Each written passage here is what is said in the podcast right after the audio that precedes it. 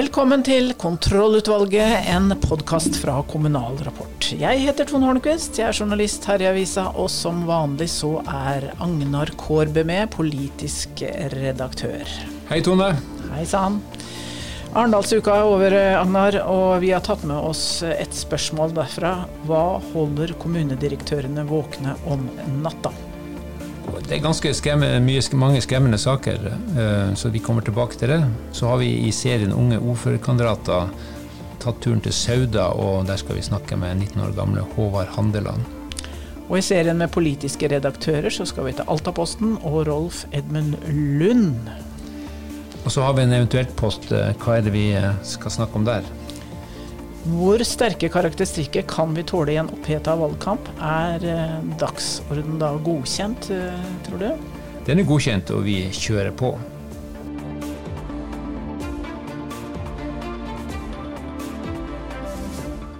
Arendalsuka, Agnar, der var vi jo begge to. Syns du det var eh, godt å komme hjem derfra? Det var jo litt travelt der nede? Alltid godt å komme hjem, men det er også spennende å være i Arendal. Det er jo en fest for oss samfunnsinteresserte og politiske nerder, spesielt i et valgår. Ja, det var jo mange temaer. Alt fra det grønne skiftet til KI, kommunale, kommunal styring, og så Laila Bertheussens vesker. Ja, De var jo du eh, opptatt av. Dem, dem var jeg oppe og kikka litt på.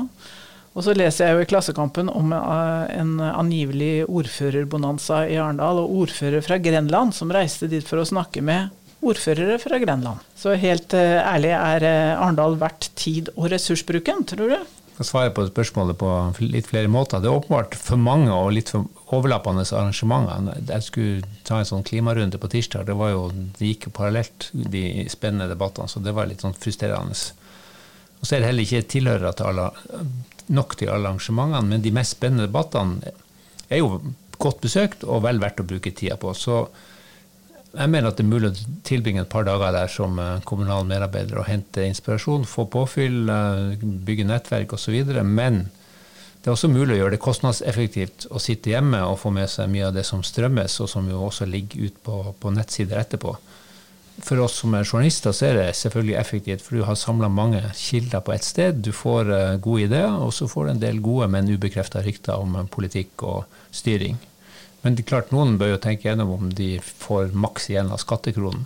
Og du var jo innom mange kommunerelevante debatter, du? De sto i kø, og en av disse hadde overskriften 'Hva holder kommunedirektørene våken om natta?'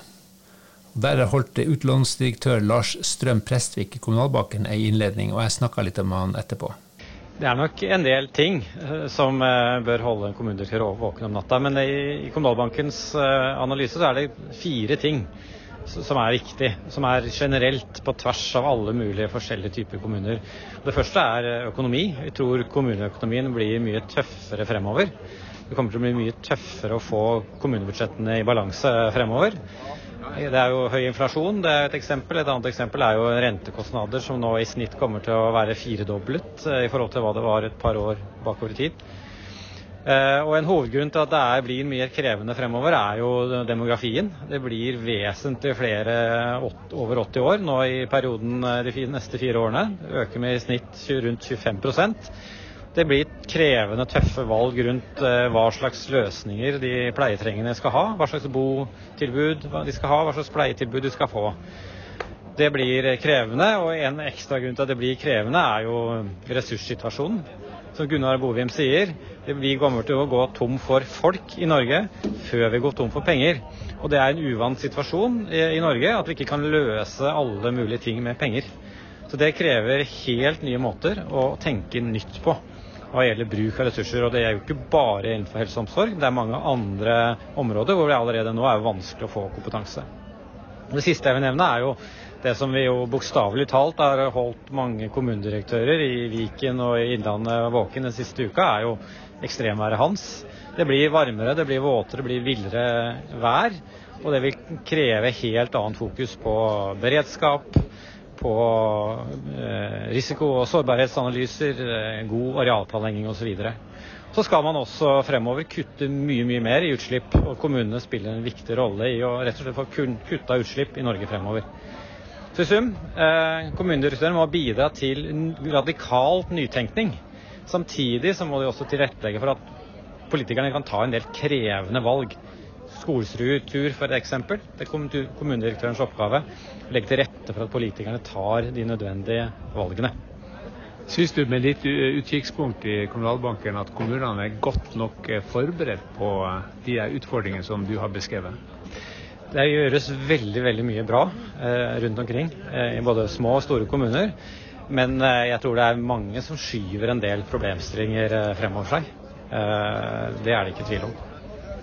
Tror du de politikerne som kommer inn i kommunestyret etter valget i høst, spesielt de nye, har de tenkt gjennom alt dette? Eh, jeg tror nok mye mange har tenkt gjennom mye. Men det er klart at det, det er nok veldig få som går til valg for å sove dårlig om natta, rett og slett. Så det blir eh, Jeg unner, jeg, jeg unner alle nye folkevalgte alt godt, for det blir krevende, en krevende periode fremover. Hvis du skulle være politisk rådgiver, noe du vel egentlig ikke er, men hvilket, hvilket eh, råd ville du gi både kommunedirektører og lokalpolitikere? Man tenker langsiktig. Å heve seg over kortsiktige løsninger eh, som, som er, eh, føles riktig her og nå. Som kanskje ikke ivaretar eh, de framtidige behovene. Ikke bare neste år, men, men også ti år frem i tid. Kjenner kommunedirektørene og rådmennene seg igjen i dette? Jeg vil tro det. Men jeg spurte Trine Myhrvold Vikstrøm, i kommunedirektør i Lillestrøm, etter seminaret. Hør på dette. Nå har vi hørt Kommunalbankens analyse. Du er kommunedirektør i en stor kommune som eh, bl.a. har opplevd en dramatisk flom de siste dagene. Sov du godt om natta? Stort sett så sover jeg godt om natta, men jeg skal innrømme at jeg har et par-tre netter i løpet av måneden hvor jeg ikke sover like godt. Hva er det som gjør at du da ligger og tenker? Nei, Nå har vi nettopp hatt en stor krise i Lillestrøm, og det er klart den flomkatastrofen som har vært. og Det, det medførte jo at eh, for det første at jeg måtte jobbe mye på natt. Men også at jeg ble liggende og tenke på det som en sånn katastrofe kan bringe til kommunen vår. For øvrig så er det så klart det at uh, sånn generelt kommuneøkonomi og kommunenes inntektssystem kan nok uh, hende at jeg kan ligge og fundere litt over. Uh, og dette med demografiutviklingen, og særlig den de endringene vi må gjøre i drift av kommunene med fokus på helse og omsorg. Det jeg sover vel ikke dårlig når jeg, ligger, når jeg, funderer over det, men jeg bruker nok mye tid, også arbeidstid, på å jobbe med, med den type utfordringer. Er kommunene skal kanskje ikke svare på vegne av så veldig mange kommuner, men er kommunesektoren godt nok forberedt på de her perspektivene som er dratt opp? Jeg tror vi begynner å bli det, men det er helt klart at det er helt avgjørende at vi greier å tenke nytt. Og nettopp dette med bruk av kunstig intelligens, eh, teknologi i helsesektoren osv. er vi jo nødt til å jobbe mye, mye, mye mer med. I Lillestrøm har vi begynt å tenke og jobbe med det. Men jeg ser at det, vi skal ha med oss veldig mange i store endringsprosesser. Det er krevende, og vi må sette av tid og vi må sette av ressurser. I Lillestrøm har vi satt av ressurser til teknologiløft i helsesektoren, og politikerne har vel bevilga 32 millioner som vi skal bruke på det. Og det, det er en god satsing eh, som gjør at vi i administrasjonen må jobbe godt for å få mest mulig ut av de pengene. Og Nå skal de bruke penger på klimaforebyggende tiltak, kanskje, etter eh, Hans har vært innom kommunen din? Ja, det må vi nok kanskje gjøre, men eh, med den kommuneøkonomien som vi har, så tror jeg nok det kan bli vanskelige prioriteringer.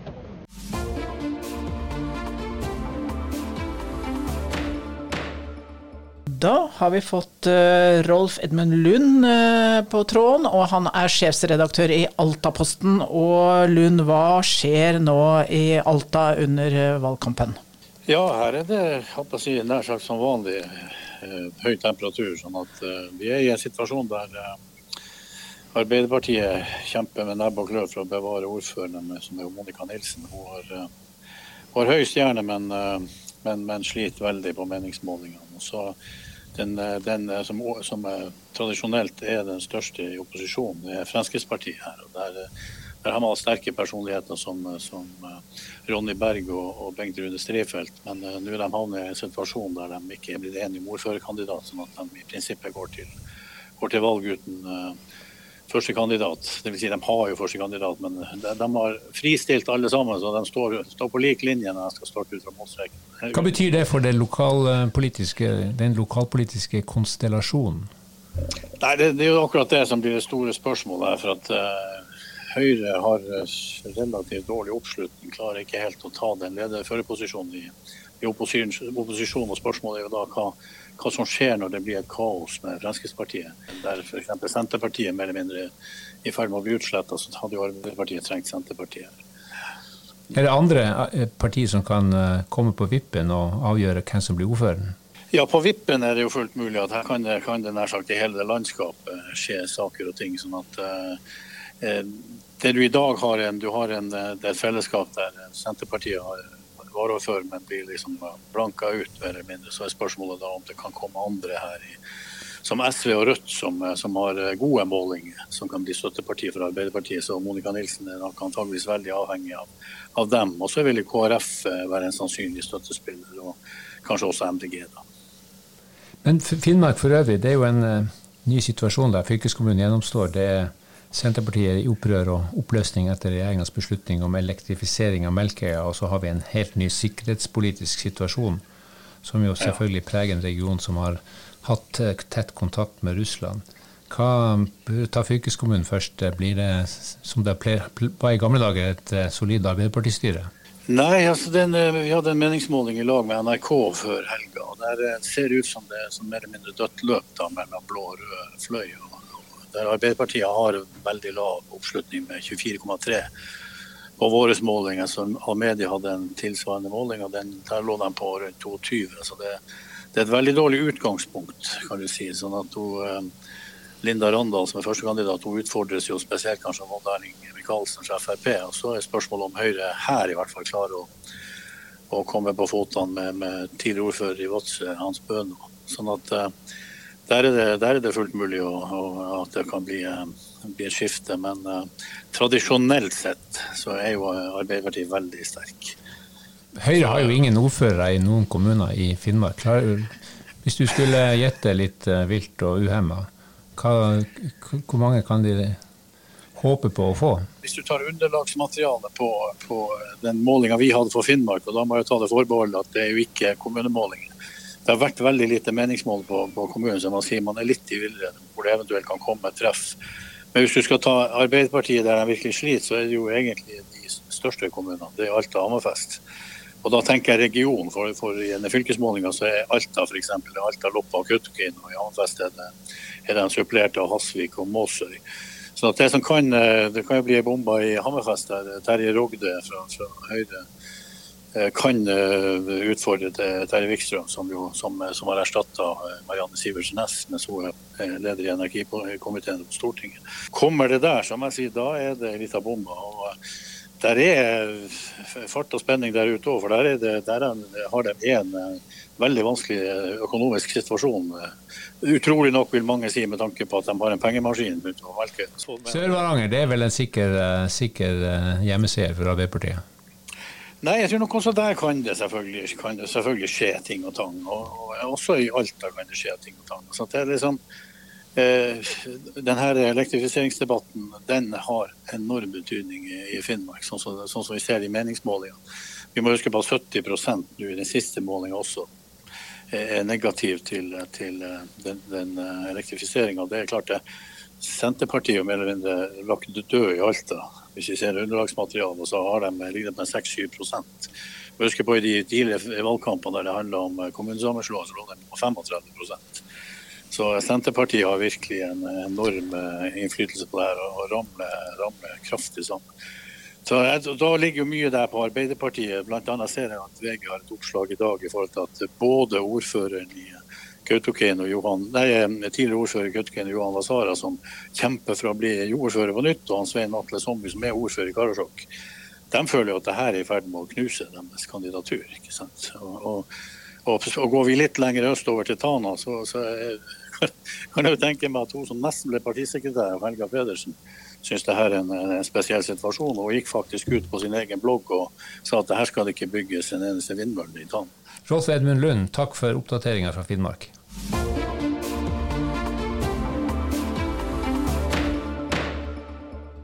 Vi har uh, hatt en serie i denne podden hvor vi snakker med unge listetopper. Og nå skal vi snakke med Håvard Handeland. Han er listetopp i Sauda Arbeiderparti. Du er 19 år, Håvard, og satser da friskt på å bli ordfører i Sauda. Åssen går det med valgkamp og det hele?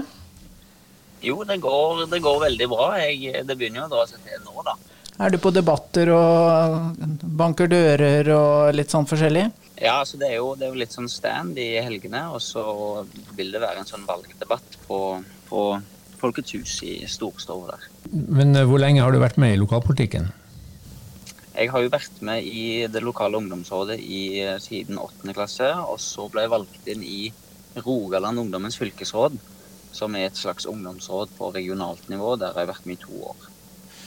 Du skal kanskje bli den øverste politiske lederen i kommunen i en tradisjonsrik kommune for Arbeiderpartiet. Ja. For å stille sportsjournalistspørsmålet, hvordan føles det? Nei, du, Det føles Jeg er veldig ydmyk altså, for, eh, for, den historien Arbeiderpartiet har i Sauda. Og så syns jeg det var, det var litt av grunnen til at jeg takka ja. At det er jo en mulighet ikke alle får, og en mulighet en skal være takknemlig for å få. Hvorfor ble det deg som eh, kom øverst på lista? Vi hadde jo ikke så mange soleklare ordførerkandidater. Og så sa jeg at jeg kan stille som førstekandidat hvis medlemsmøtet ønsker det. Eh, og det ønsket jo da medlemsmøtet eller nominasjonsmøtet, og da, da ble det jo meg, da. Men nå er det Senterpartiet ordfører. hvordan står det til på meningsmålingene? Har dere hatt noen målinger? Ja, vi har hatt, uh, hatt en lokal måling. Senterpartiet gikk ganske mye ned. Høyre gikk en del opp, og vi gikk litt opp. Så det blir et jevnt valg. Det blir det. Det blir jevnt valg. Hvem kan du samarbeide med? Nei, nå hadde jeg styremøte i går, og der vi diskuterte litt sånn forhandlingsstrategi, så jeg tror jeg får et helt parti på nakken hvis jeg drar fram hele den strategien. Men eh, vi har dørene åpne for, for, det meste, tenker jeg. Og så ser vi hvor jevnt det blir. Sannsynligvis så blir det veldig jevnt mellom oss, Høyre og Senterpartiet. Og da er det jo enten å gå til Høyre eller Senterpartiet. Da. Hva er den viktigste saken inn i valgkampen for dere? De viktigste sakene er å jobbe for en eh, potensiell ammoniakkfabrikk i Sauda. Eh, og så vil vi ha et rekrutteringsprosjekt for å skaffe tilstrekkelig med arbeidskraft og kompetanse, og da særlig mot yrkesgrupper som det er vanskelig å få tak i. Og så må vi jobbe for et større bærekraftig økonomisk handlingsrom. Eh, vi har jo en litt sånn raklende kommuneøkonomi, da, som er veldig avhengig av eh, kraftinntekter. Eh, og, og, da på en måte sikre et større handlingsrom, så slipper vi disse kvalitetstærende ostehøvelkuttene. Og så ikke minst et langt større hensyn til det en kaller jomfruelig natur, eh, som det så fint heter. Jeg syns at merkevarebyggingen av Søda som en naturdestinasjon, det skal ikke skje med å bygge ned den samme naturen. Det er nye takter fra Arbeiderpartiet i en industrikommune som Sauda? Ja, det er faktisk et godt poeng. Men eh, jeg tenker jo én plass går krysningspunktet mellom hvor attraktivt det er med hytteliv og friluftsliv, når en samtidig har store planer for utbygging. Ja, for du tilhører jo den politiske generasjonen som skal lede oss gjennom det grønne skiftet og inn i en helt ny verden hvor vi har en slags kontroll på klimaendringer, klimagassutslipp, og klarer å tilpasse oss et klima i åpenbar endring. Ja, og klimaendringene skjer jo, har jo skjedd lenge, og de er viktige å påpeke. Det er de menneskeskapte klimaendringene som er skumle. Helt på tampen, eh, Håvard, hva er det første du vil gjøre hvis du skulle være, bli så heldig å, å eh, bli ordfører? Det første, Vi må jo få til et, et solid flertall i kommunestyret, så det blir nok eh, litt forhandlinger og se på mulighetene etter valget. Og så er det jo budsjettrunde da, etter, etter det, så ja, nei, det blir, det blir, jo å få satt seg litt inn i hvordan dette fungerer, tenker jeg. først og fremst. Det var ikke noe sånn, det er ikke frist av å gå ut med et eh, fett valgløfte for å dra noen ekstra stemmer blant eh, dine jevnaldrende, f.eks.? Nei, jeg tror ikke det er lurt å, å love for mye. altså Vi har ikke noen sånn, eh, sånn snorklippingssak. Den tid er vel gjerne litt forbi, hvis en ser på hensynet til, til kommuneøkonomi og dette her. så så hvis det blir ordfører, så er det først og fremst å sette seg ned og finne et, eh, et godt eh, flertall i kommunestyret og jobbe videre ut ifra det. Vi ønsker deg lykke til i valgkampen. Tusen takk.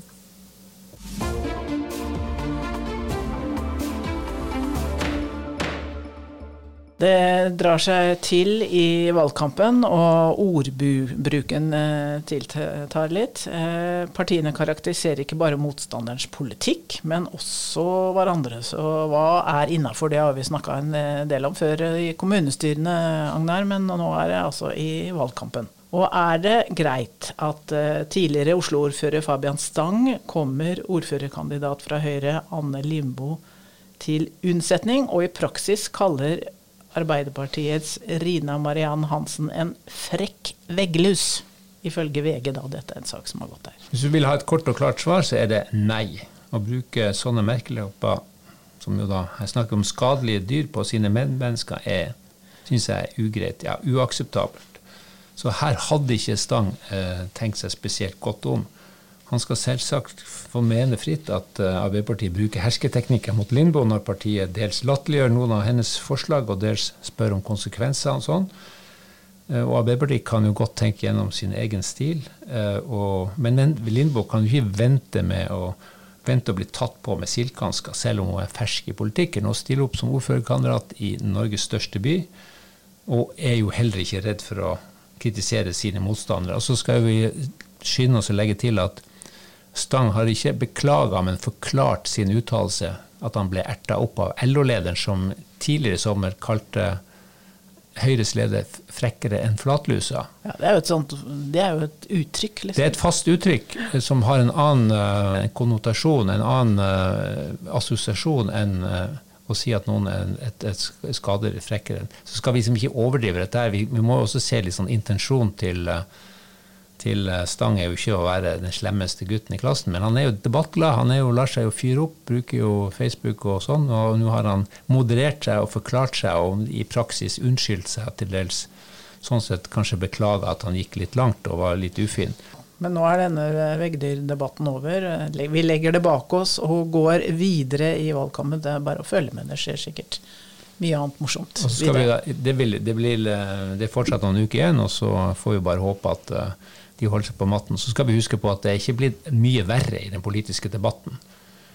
Det, men hvis trykket er, uh, blir mye større pga. sosiale medier, omfanget er mye større, og det er ting som blir sagt og blir tatt ut av sin sammenheng, klippa til små superkorte snutter sendes ut i, på sosiale medier, og sånn sett så får du en, eh, av, og til en ufin og ekkel og til dels uh, ganske brutal tone.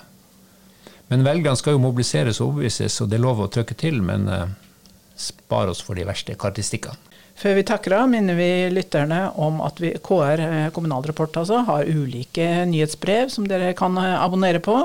Og ikke minst det nye politiske nyhetsbrevet som eh, vi sender ut hver søndag. Og, hva inneholder det, Agnar? Jo, det er et raskt blikk på noen av de politiske sakene som angår kommunesektoren. Noe av det vi har omtalt i den uka som ligger bak oss. Saker som vi gjerne vil minne leserne om. Og så et par tips om hva som skjer de neste dagene. Det er bare å eh, abonnere på dette her. Det enkleste er å sende en e-post til markedalfakrøllkommunal-rapport.no, så får du dette nyhetsbrevet inn i postkassen din søndag ettermiddag.